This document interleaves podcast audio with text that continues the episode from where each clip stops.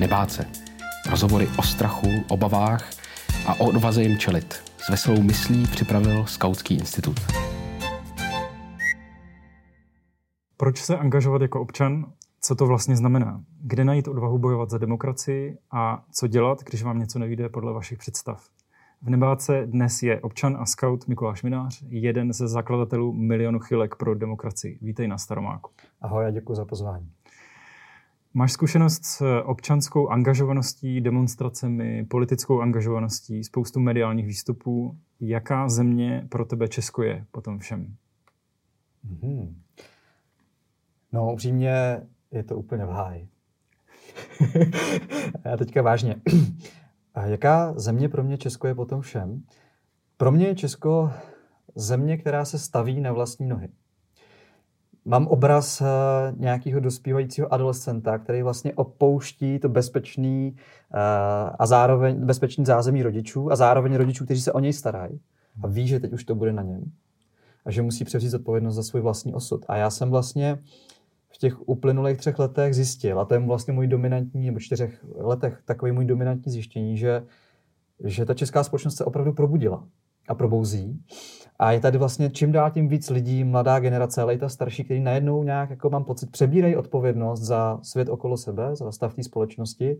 A já vlastně jsem hrozně optimistický, protože věřím, že že tohle bude nějak jako klíčit a růst a že, že Česko má ty nejlepší roky před sebou. Skoro bych jako řekl, že nám bylo dáno to, co se nepovedlo za té první republiky, kdy si Masaryk přál těch 30-50 let pro tu demokracii, aby mohla vyzrát a, a ten vývoj byl po 20 letech přetnutý. A my už máme 31 let za sebou a začínám mít pocit, že se to opravdu začíná lámat do občanského uvědomění a z toho mám velkou radost. Takže jsme v takové pubertě. Myslím si, že jsme v pubertě, eh, nebo možná už jako v nějaké rané dospělosti. Už to není ten vzdor vůči, vůči těm starším a mocnějším, že uh, jsme frustrováni tím, že nemůžeme nic pořádně dosáhnout a oni, mají, oni všechno ovládají a, a přece ne, nelze nic změnit. Že už máme tu zkušenost, že jako můžeme něco změnit, že vlastně uh, můžeme být sebevědomá země. Třeba i v Evropě dokonce se teďka ukazuje, že můžeme hrát důležitou roli. Že nemusíme být vždycky ten menší otloukánek, ze kterého si všichni prostě dělají legraci. Takže se mně zdá, že to se mění. Proč se ty rozhodl angažovat veřejně? A měl by to dělat každý? A já jsem se, já jsem se, roz, já jsem se vlastně rozhodl náhodou, nebo já jsem do toho byl vtažený. Já jsem, to je vlastně zajímavé, že, že já jsem před rokem 2017 nikdy nebyl na žádné demonstraci taky přiznání. Jako dvakrát jsem šel okolo nějaký demonstrace a zastavil jsem se, díval jsem se, co se děje. Ale nebyl jsem aktivista, ani jsem nebyl jako homopolitikus v tom smyslu, že bych jako všecko pečlivě sledoval a nějak politiku hodně řešil. Vlastně to šlo trošku mimo mě, i když jsem jako viděl z dálky, co se děje. A to se všechno rázem změnilo. Rázem. Nebylo to jako, že by to dlouho zrálo, ale byla nějaká silná událost, která mě vlastně zastavila a položila mi tuhle otázku. Neměl bys náhodou něco dělat? Bylo to tři dny před volbama v roce 2017. Na národní třídě jsem stál a čekal na tramvaj, takže dost nepravděpodobná situace, že zrovna tady se stane nějaká osobní proměna. Ale v tu chvíli začal zvonit zvon a pro mě první asociace byla, ty tenhle zvon, jako kdyby se nějak dotknul něčeho ve mně, ten zvon, jako kdyby mě nějak jako rozrezonoval. Jsem si říkal, to je stejný zvon, který musel slýchat básník Jan Zahradníček, který byl tedy o ulici vedle v Bartolomějský zavřený v té celé. A tam mi došlo, jak velká vlastně hodnota je demokracie a svoboda, že prostě tady bylo 40 let nesvobody, že lidi pokládali životy a desítky let strávili v kriminálech za to, aby vlastně my jsme dneska měli svobodu. A došlo mi, že já tu svobodu mám. A tam jsem si poprvé opravdu uvědomil, že já jsem občan.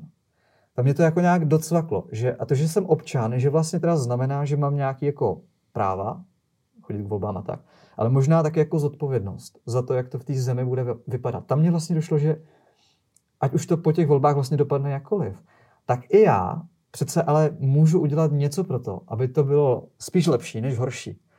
A tehdy jsem ještě nevěděl co, ale tenhle ten zážitek vlastně, že jsem si uvědomil, ty oni udělali tolik, tak snad bych já mohl udělat aspoň něco tak ten pro mě byl vlastně přelomový. A od té doby jsem jako by pochopil, že nemůžu dělat, že to nevidím, co se tam děje, že, že už nestačí se jako nezajímat, že se mě to prostě bytostně týká.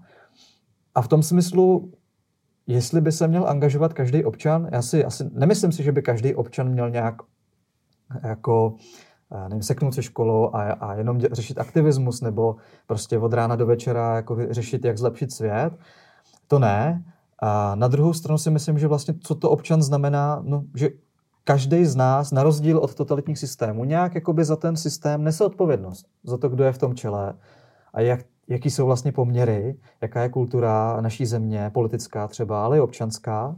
A tím pádem myslím, že je takový nějaký minimum, co by možná každý občan měl dělat a to si myslím, že, že by se měl snažit jakoby chápat, co se děje a být trošku zorientovaný, tvořit si aktivně nějaký názory a občas se taky k něčemu vyjádřit. A může to být klidně jako jenom s kámošema, ale neměl by mít, myslím, že by je škoda, když lidi mají pocit, že nemůžou prostě nic změnit a že prostě je to všechno stejně už jako rozdaný a, a jakoby vlastně já se o to nechci zajímat, že to je příliš složitý, tak to je prostě, myslím, škoda, protože to je rezignace na nějakou základní možnost, kterou nám i ta demokracie dává.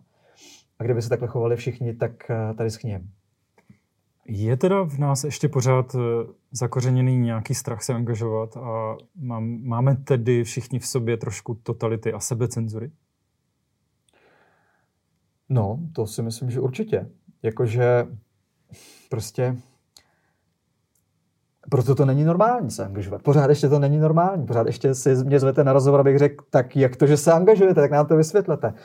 A, a na západních zemích je to určitě vodost normálnější, to, to, to povědomí, že vlastně jakoby já se mám angažovat. Takže myslím, že jedna z těch příčin skutečně je, že tady prostě 41 let byl komunistický totalitní režim, který stál na pravém opaku angažovaného občanství. On vlastně říkal, to jsou takové ty známé fráze jako hele, nehas, co tě nepálí, drž hubu a krok, hleď si svýho, hlavně prostě se nemíchat do politiky, protože tyjo, to, to si můžeš zkazit život, jako to možná jako, co s tvojí kariérou a co s tvojí prostě jako školou, jako my, my mysli na budoucnost, jo. Tak vy, vypěstování tohle toho strachu, jako předtím se zabývat veřejnými věcmi a vyjadřovat se, protože, protože to se člověk může hodně spálit, obzvlášť pro 68 v normalizaci, tak to v nás, myslím, hodně zakořenilo. A často to slýchám, že i ta starší generace vlastně se jako fakt bála, jako co, co, co, jestli si můžu třeba vůbec přijít na tu demonstraci, to, jako stoupnout, jestli nebudou mít problémy. Obzvlášť na menších městech je to problém. Takže to v nás pořád je. A to je ten velký zápas, aby jsme nejenom se toho komunismu zbavili v tom režimu, ale zbavili se toho komunismu v nás, toho postkomunistického myšlení, toho, té ustrašenosti něco udělat. Tak to si myslím, že jak tohle se povede, tak nás to vnitřně osvobodí a budeme mnohem tvořivější a mnohem, myslím, i spokojenější v životě. S čím by člověk měl počítat, pokud se takhle veřejně angažuje? Um, a jak třeba tebe motivují pozitivní i negativní reakce na to, co jsi dělal? S čím by člověk měl počítat? Každý, kdo se začne angažovat, tak by určitě měl počítat s tím, že to nebude jednoduchý. Prostě, že mu přijde do cesty hodně překážek, na který narazí a bude je muset překonávat. Takže by se měl připravit na to, že bude ochoten vynaložit nějaký úsilí a že to často nebude lehký, že bude schytávat eh, spoustu kritiky, některý dobrý a spravedlivý, některý nespravedlivý a že spousta lidí bude spochybňovat jeho motivace. A mm, budou, prostě je to trošku nevděčná, vždycky, jakákoliv snaha něco posunout a zlepšit je, je, je z principu skoro vždycky nevděčná. A proto je strašně důležitý si myslím si to vlastně srovnat nejdřív sám sobě. Jako proč to vlastně chci dělat? A to nejlepší, co si myslím, že se může stát, je když člověk zjistí, že to dělá nejenom proto, aby něco změnil a posunul, ale možná na prvním místě, že to dělá sám kvůli sobě. Aby si sám sebe mohl vážit, aby sám se sebou mohl být v míru a prostě proto, že věří, že to je správně, tak má smysl to taky dokázat nějakýma skutkama a vynakládat nějaký úsilí. Nehledě na to, jak to dopadne. Protože některé věci prostě mají smysl bez ohledu na to, jak to dopadne. Tak to mně přijde nejdůležitější. No a kdyby se náhodou stalo, že, že přijde třeba i úspěch a přijde nějaký mediální zájem, tak zároveň je dobrý se připravit na to, že svět mediálních titulků a mediálních zkratek je naprosto nemilosrdný. A funguje to do velké míry tak, že se ze všeho snaží udělat nějaká bulvarizovaná zkratka, která bude emocionálně dostatečně výbušná a ostrá, aby to přitáhlo zájem čtenářů. Což je často nepříjemný a vytváří to nějaký druh jakoby, tlaku a pozornosti, se kterou je obtížné se vyrovnat. Takže Zvážit si, do čeho člověk jde, určitě kolik tomu chce i dát, protože je možný si, nemusí to pohltit celý jeho život, stačí si říct, chci tomu dát tolik a tolik a, a pak vědět, že to může být běh na dlouhou trať. Někteří lidé se angažují, ale angažují se třeba na poli nenávisti. Eh, jak se dá poznat, co je správný směr, co jsou správné hodnoty? To je těžká otázka. Myslím si, že to první, co bych chtěl říct, jak se pozná správný směr nebo správné hodnoty, no podle ovoce. Prostě podle toho, k čemu to vede. Jako vede to ke svobodnější, kreativnější společnosti, šťastnějším lidem, eh, nějaký harmonii, anebo to teda vede k tomu, že se hlubí příkopy, štěkáme na sebe, eh, marginalizujeme nějaké skupiny. Tak to je jakoby první věc. Můžeme se dívat na to, jaký jsou výsledky. A druhá věc, jak teda, když bychom se rozhodovali, čemu nevím, věnovat energii, nebo podle čeho měřit třeba naše rozhodnutí, protože někdy člověk může se rozhodnout pro více možných věcí, tak jak se, jak se teda vybrat to správný, tak tam je, myslím, nepostradatelný nějaký vnitřní kompas, nějaký klíčové hodnoty, podle kterých teda jako zvážíme, jestli, jestli tohle jo nebo ne. Takže jestli mám být konkrétní, tak eh, když byly některé věci, kde jsem nevěděl, jestli do toho vlastně třeba jít nebo nejít, nebo jak do toho jít, tak jsem věděl, že, že mám pojmenované tři hodnoty, konkrétně laskavost, rozvaha a odvaha. A to znamená, musí laskavost znamená, jako vede to k dobrýmu, je tam jako jednak dobrá vůle, ale není to jako jenom kvůli mně, ale je to dobrý pro druhý, je tam nějaká jako lidskost, vede to k něčemu dobrýmu. Pak ta rozvaha, to je, to je vlastně kritický myšlení, protože nestačí mít ten dobrý úmysl, že teda chci někomu pomoct nebo něco zlepšit nebo něco zachránit, protože cesta do pekla často bývá dlážděna nejlepšími úmysly, ale musím vlastně i kriticky zvážit, co všechno o tom vím, jak vlastně neuškodit, jak to udělat dobře, co vlastně mám udělat, aby to prospělo. Takže to je rozvaha. A to třetí je odvaha. Když už mám dobrou vůli a vím, co udělat, tak taky ale musím zvednout zadek a jít to udělat, i když to třeba bude těžký. A musím to prostě začít prosazovat, protože jako dobrý záměry a i třeba vědět, co udělat bez odvahy, jako bez něčím pohnout a dát tomu nějakou aktivitu, to, to je taky k ničemu. Takže já jsem si vždycky říkal, dobře, tak vede to k dobrým věcem, jakoby je, to, je, to, je to laskavý, není to jako nějaká zatě, zatětá prostě nenávist, agresivita. Je to, je to jako fakt moudrý, jako by prošlo to nějaký, nějakou i výhní jako kritiky, jako zvážili jsme všechny jako aspekty. A je to odvážný, je to, vede to k něčemu, co nás jako posouvá vpřed. A podle toho potom jsem třeba někdy ty rozhodnutí dělal, aby, jsem, aby ten výsledek tady těm hodnotám odpovídal. A každý může mít vlastně jako jiný hodnoty, ale důležité je si, si je formulovat, protože pak má nějaký jakoby nástroj, podle kterého se může rozhodnout, kudy vlastně jít. Ty jsi filozof, nebo možná částečný filozof? Má v, eh, takže to je dobrá otázka. Má v demokracii mít prostor i demagogie? Má mít prostor každý názor? Má mít prostor k absolutní svoboda slova? Mm-hmm. Myslím si, že v demokracii má mít prostor demagogie. A je vlastně dobrý uvědomit si, jak ty dvě slova jsou si podobný. Demokracie a demagogie. Demokracie je vláda lidu. Demo, demos, lid, kratejn, vláda. Demagogie je zavádění lidu. Je, to, je tady demagog, který vede ty lidi někam. Vlastně. Oni sami nevládnou sobě, on je někam vede. A to znamená, všichni známe nějaký demagogy, který lidma manipulují a někam je vlastně vedou, často v jejich neprospěch. A přesto si myslím, že není možný v demokracii nijak zakázat demagogii a že jediný lék na, na demagogii je prostě vzdělaný občan. Je vzdělaná společnost, která dovede kriticky myslet a která tu demagogii dovede rozpoznat. Dovede rozpoznat, kdo, komu se dá věřit a kdo opravdu třeba i prosazuje nějaký cíle z důvodu těch cílů a z důvodu toho, že, jich věří, že jim věří a komu se nedá věřit, protože tam má nějaký postranní zájmy, kde vlastně si, si jako chce nahrabat nebo, nebo chce prostě jenom získat dost hlasů a lidma manipuluje. Tak to si myslím, že prostě hold z nás občanů. Nikdo nesejme tuhle povinnost. Druhá věc je, jestli by všechny názory měly být povolený nebo, nebo volně šířený.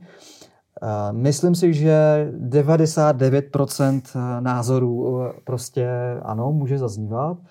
A zároveň si myslím, že je správně, a ono to je vlastně i ošetřený zákonem, že některé jako názory, které jako podněcují nenávist vůči některým skupinám osob nebo konkrétním lidem, mohly by vést k násilí, prostě zločinné ideologie, jsou prostě zakázané, je to správně, protože demokracie stojí na nějakých konkrétních hodnotách a předpokladech jako třeba rovnost všech lidí před zákonem, jako třeba to, že právě není žádná nadřazená kasta oproti jiné, že, že i menšiny mají mít svoje práva.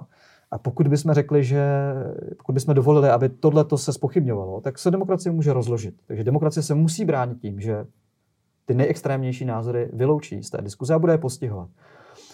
Zároveň je tady podle mě hlubší problém v tom, že prostě je hrozně obtížný poznat, co je to vlastně ta pravda a je tady nějaká i oprávněná pluralita názorů, který se prostě střetávají, různých interpretací, což je vlastně v pořádku, protože demokracie je principiálně o konfliktu různých pohledů na věc. A je to vlastně mechanismus, jak ten konflikt eh, ne, nevede k válce, ale jak se nějak tady jako uh, vlastně pomocí slov jako domluví, a voleb domluvíme, jak to teda bude. Uh, ale co mi přijde důležitý a co se v poslední době mi přijde jako velký riziko, je, že se začíná vlastně říkat, že všechny ty názory jsou přece ale stejně hodnotní a stejně platní. Každý má přece ten svůj názor, takže mi do toho neříkejte, vy máte svůj názor, já mám svůj názor. A tady si myslím, že je důležité říct, ano, každý z nás má svůj názor, a může být hodně názorů, ale fakta jsou často jenom jedna. A důležité je, jestli ten názor se opírá o ta fakta a je s nimi v souladu. A něco je prostě hold pravdě bližší a pravděpodobnější než něco jiného. A pokud bychom rezignovali na pravdu a řekli jsme, že každý názor váží stejně, ať si každý říká, co chce, tak by se demokracie taky rozpadla. Už bychom se na ničem nedohodli, protože by už se nedalo poznat ten dobrý směr. Takže myslím, že ačkoliv je pravda nedostižný ideál, a nikdy nebude mít plně a nikdy nebudeme prostě moc říct, že jsme všechno pustili objektivně, tak vždycky se musíme snažit prostě se k té pravdě blížit a některé názory jsou prostě hod lepší a víc založené na faktech než jiný. Ty si mohl svoje názory a hodnoty předávat obrovskému množství lidí. Ehm, jaký je to pocit stát před 200 nebo 300 tisíci živých lidí a mluvit k ním? A vlastně pak i Kdybychom to předali převedli i do online prostoru, tak už to jsou fakt miliony lidí. Jaký je to hmm. pocit? Mít možnost ovlivnit věci skutečně. No. tak jako, to jsou dvě věci, ale tak já začnu tou první. Stát na pódiu před 300 tisíci lidmi je neuvěřitelný nebo nepopsatelný zážitek. Zároveň říkám zážitek, a zároveň, jako když já se, bych se zpětně vrátil, těžko se to předává, že bych se zpětně vrátil do těch pocitů, tak pro mě vlastně bylo určující, že já jsem jako v tu chvíli jsem nekochal tím, jakoby, co prožívám. Naopak, já jsem vlastně byl v nějakém jakoby flow stavu, kdy jsem se naprosto soustředil na to, co se má stát, co chci říct, co chci předat, tak, aby to zarezonovalo. Takže já jsem sám jsem jakoby neměl kapacitu vnímat úplně sám sebe, až vlastně zpětně najednou si člověk, jakoby, až když to skončí, člověk si říká, co se to vlastně dělo. A co se to vlastně dělo, co jsem vlastně u toho cítil. A určitě u toho je to, co si myslím, že je zobecnitelné, že se děje skoro všem, když jste na tom pódiu a je trošku jedno, jestli tam je 300 tisíc lidí nebo 30, je zážitek obrovské energie.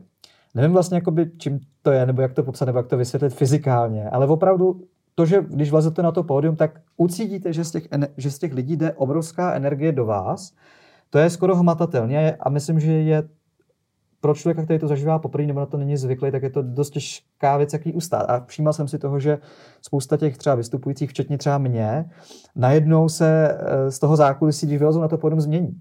A začnou třeba mluvit o dost víc nahlas, začnou skoro až jako křičet, až ze záznamu si pak říkají, to proč, proč jsem tak křičel. Ale oni vlastně dostávají energii a vrací No a zároveň, kromě toho, že to je mimořádně energeticky silný zážitek, tak pro mě to vždycky bylo spojený a myslím, že pro víc lidí v milionu chvilek vlastně s obrovskou, ale jakoby bázní, až jako chvěním s tím, to jako, ale z jakého titulu my si můžeme troufnout tady na to pódium vylézt a jako eh, to vědomí, že máte opravdu jako nějakou moc, že ji nemůžete zneužít a že máte s tou mocí obrovskou zodpovědnost, abyste to nepodělali.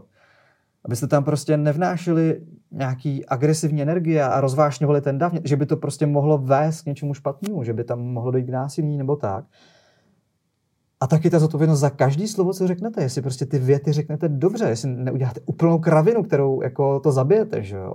Protože vy chcete, aby ty lidi se s tím mohli statožnit. Tak pro mě to vědomí té odpovědnosti bylo, bylo často až jako svazující. Hlavně třeba den, dva před tou akcí jsem si říkal, ty já nevím, jestli na to pódium vylezu.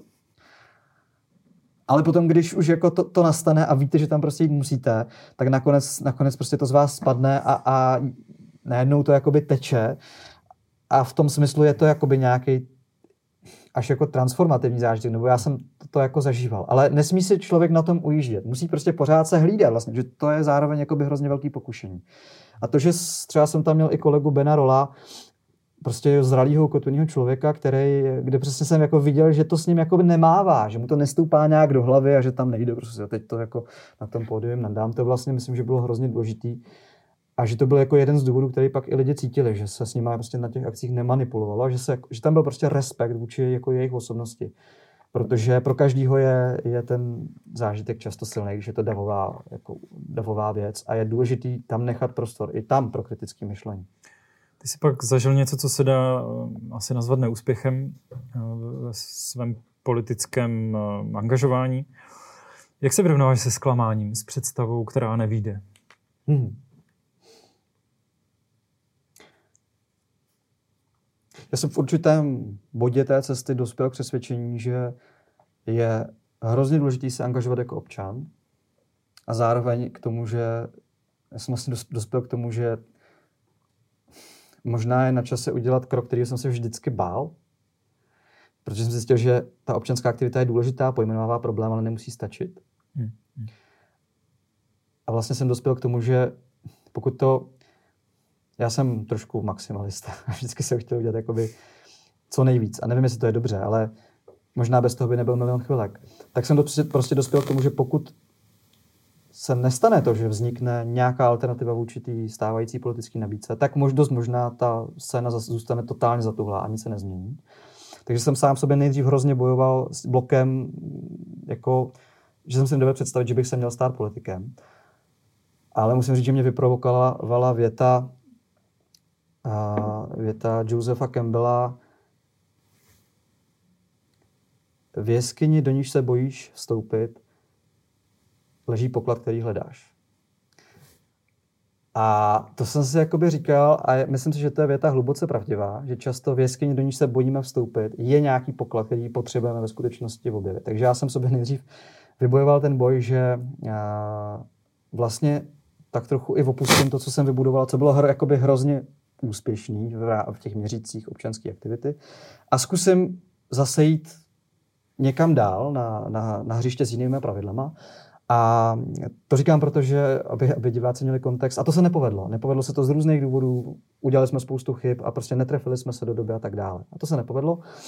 Takže tam, tam eh, viděl, vnitřně jsem byl přesvědčený, že to je třeba, že se to má stát. Úplně podobně, jako jsem byl přesvědčený, že to třeba má se stát milion chvilek, ale nedopadlo to, byl to vlastně naopak úplně propadák, pokud to tak můžu říct. Takže určitě tam bylo velký zklamání a zklamání vždycky hodně bolí. Obzvlášť pokud lidi, kteří vám předtím tleskali, najednou třeba na vás plivou a prostě najednou všichni nejlíp ví, jak jste měli totálně sobecký motivace a, a spasitelský komplexy. No dobře, to možná trošku uh, mohu být. Já nevím, tohle bych chtěl ještě třeba zjistit. Ale najednou vám trošku, trošku vás mrzí, že lidi, kteří jako tleskali tak nekriticky, tak nyní nekriticky plivou. Ale, stejně, ale to vám čert. Stejně si myslím, že nejdůležitější je vždycky jakoby se s tím srovnat vevnitř, s tím zklamáním. Protože nakonec to, co nás žene dopředu, je prostě potřeba vážit si sám sebe, mít nějakou jako vnitřní hodnotu. A být srovnaný s tím, kým jsem. A určitě úspěch a neúspěch jsou důležité věci v našem životě. A já jsem se s tím zklamáním vyrovnával několika způsoby. První je, myslím, to, že můžete proskoumat vaše motivace a vrátit se k tomu záměru. A ve chvíli, kdy, jste, kdy víte, proč věci děláte, a jaký jsou vaše motivace a že jsou dobrý. Tak to je první důležitá věc, protože i když to nevíde, tak víte, že prostě to dělali a že, to, že jste to aspoň zkusili. Druhá věc, co mi přijde důležitá, je nelakovat, uh, nelakovat věci na růžovo a být vnitřně pravdivý i sám k sobě. To znamená, fakt si, fakt ne, jako nedělat, že vlastně, vlastně to, sice to byl neúspěch, ale vlastně mě to nevadí, nebo jako jsem zklamaný. Ne, člověk musí podle mě k sobě nechat dolehnout co nejpravdivěji, vlastní pocity. I pocity toho zklamání, i, i různou bolest, musí si to trošku jako odžít. A musí podle mě s odvahou pojmenovat, co teda sakra udělal špatně, kde se utnul, kde se ukázalo, že co byla iluze a proč jsem tu iluzi měl. Protože když to neudělá a bude se snažit nějak to teda jakoby zahrát do autu nebo vlastně z toho nějak jako vybruslit, aby ochránil svoje vlastní já zranitelné, tak sám sobě lže do kapsy a vlastně se nemůže z toho bludu, bludu vysvobodit. A třetí věc, co mě hrozně pomáhalo, kromě toho, že samozřejmě dobrý si dojít do lesa a jako vydechat se, nebo si pustit dobrou muziku, a, nebo prostě nad tím někdy občas si mávnout rukou a dát si jako nějakou dobu jako čas na voraz, tak si myslím, že z každého zklamání a neúspěchu se vlastně může změnit v požehnání, pokud ho nepustíte, dokud vám teda nedá to, co v něm je. To znamená, že jako je na vás, jestli ten úspěch vás zdrtí, a nebo jestli řeknete, co, co já si z toho můžu odnést. Co mě to může naučit. Jak mě to posune dál. Jak já tohle přetavím v nějakou lekci, kterou prostě díky tomu se v životě posunu.